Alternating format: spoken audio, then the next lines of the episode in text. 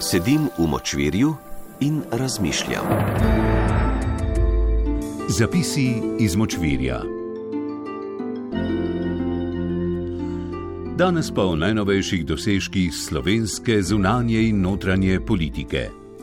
Slovenski zunani politiki je iz dokumenta, ki ga ni nihče napisal, videli pa so ga vsi, ki ne govorijo ničemer, pa kljub temu grozi, da bo snel Balkan stečajev, ki ga vsi zanikajo in si ga vsi želijo, uspelo narediti zunanje politični problem. Ampak da zunanje politični problem nastane iz nič, še ni največji dosežek tega tedna. Medtem ko se je zunanja politična strast vrtela okoli ne papirja, je notranji politiki uspelo narediti notranje politični problem iz mednarodnega nogometa. Ker so notranje politični problemi vzpodbojeni z domačim nogometom že videna in od leta 2012 presežena kategorija, se ponovem sprašujemo, kako lahko ustanovitev novega evropskega žogobrcarskega tekmovanja pretrese slovensko notranjo politiko. Zadeva je preprosta in večino časa bizarna ker slovenski predsednik Evropske nogometne zveze kdaj pa kdaj demonstrira aktivno državljanstvo, ga domovinski valjar usvarilo in poduk vsake toliko splošči do primerne debeline. Ampak, če smo že pri začeferina sporni ustanovitvi Evropske superlige, se zdi primeren trenutek, da vsaj malo skočimo v zelnik kolegom iz športnega uredništva če ne drugega, da unovčimo prezebanje na stadionih in ure izgubljene pred televizijskim zaslonom. Namreč, če se na kaj, se kot vsi ostali prebivalci planeta v naši skromni redakciji spoznamo na nogomet. Čemu se je dvignila Združena Evropa in v delno patetični maniri poskuša obraniti evropski nogomet? Čeprav vsi vemo, da so odsmerave zgodbe o revnih delavskih predmestjih, ki z vsem svojim proletarskim bitjem stojijo za nogometnim klubom, ki uteleša njihove deprivilegirane sanje že davna preteklost. Je pa kljub vsemu v celotni superligaški zgodbi mogoče najti trenutek, ki se ga da razumeti kot bojišče idej. Idej, ki presegajo samo nogometno raven ustanovitve nove lige.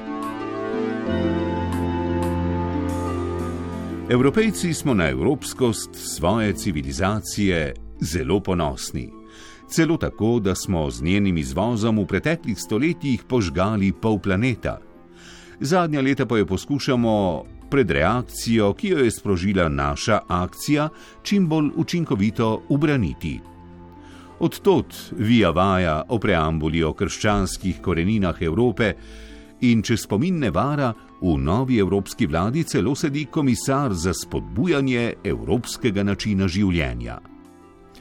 Kaj točno počne ta komisar, ki je značilno Grk, je bila do danes uganka ampak ob predlogu za ustanovitev zaprte nogometne lige pa je celo komisar Margaritis Skinas ne mudoma tvitnil svoje nasprotovanje novo ustanovljeni ligi.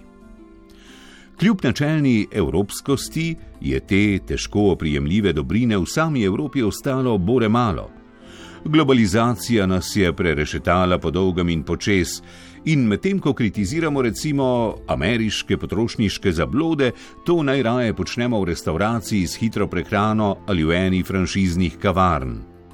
Mednarodni kapital, nošen z zmagovitimi zastavami neoliberalizma, je zauzel čisto vse postavke, ki jih ima evropsko zaščitniški Grk v svojem opisu del in nalog.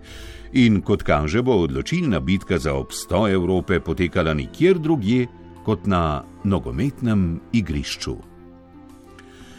Danes se še ne zavedamo, da je enotno ogorčen odziv na ustanovitev superbogataške in ekskluzivne nogometne lige edini enoten politični odziv Združene Evrope v vsej njeni zgodovini.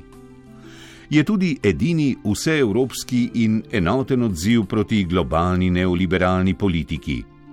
Če izuzamemo komemorativne ali pietetne odzive na recimo teroristične napade, je v odločni ne nogomet združil tako nacionalne politike kot ljudske množice. Evropska komisija, ki v odzivu ponovno cinca, si kot ponavadi strelja v koleno. A ogorčeni odzivi pomembnih evropskih voditeljev jasno kažejo, na katero stran je pametno stopiti v tej veliki nogometni schizmi. Med velikim begunskim valom poleti 2015 je večina prebežnikov novinarskim ekipam zatrjevala, da prihajajo v Evropo igrati nogomet. Ko smo jih ali zavrnili, ali vrnili, ali asimilirali, ali pregnali nazaj, smo mislili, da smo rešili evropski način življenja in da smo vsaj malo rešili tudi evropski nogomet. Ampak evropski nogomet smo istočasno prodali plemenskim poglavarjem teh istih nesrečnikov, ki so jih oni pregnali iz brezupa tretjega sveta. Le da šejkov, oligarhov in američanov nismo sprejeli s policisti in bodečimi žicami, temveč z zasebnimi ložami in ohlajenim šampancem, če so po naključju prihajali iz alkoholno tolerantne srednjeveške civilizacije. Ko je Aleksandra Čeferina, ki se je resnici na ljubo ne kriv, nedolžan, našel na osti desetletnih zablot evropske nogometne elite, ceframo v kontekstu domače politične greznice, si delamo slabo uslugo. Za slovensko politično elito, navajeno na neodločen rezultat, bodo prihajajoči dnevi še kako stresni. Ne le, da jih bo javno mnenjsko zasenčil fusbal.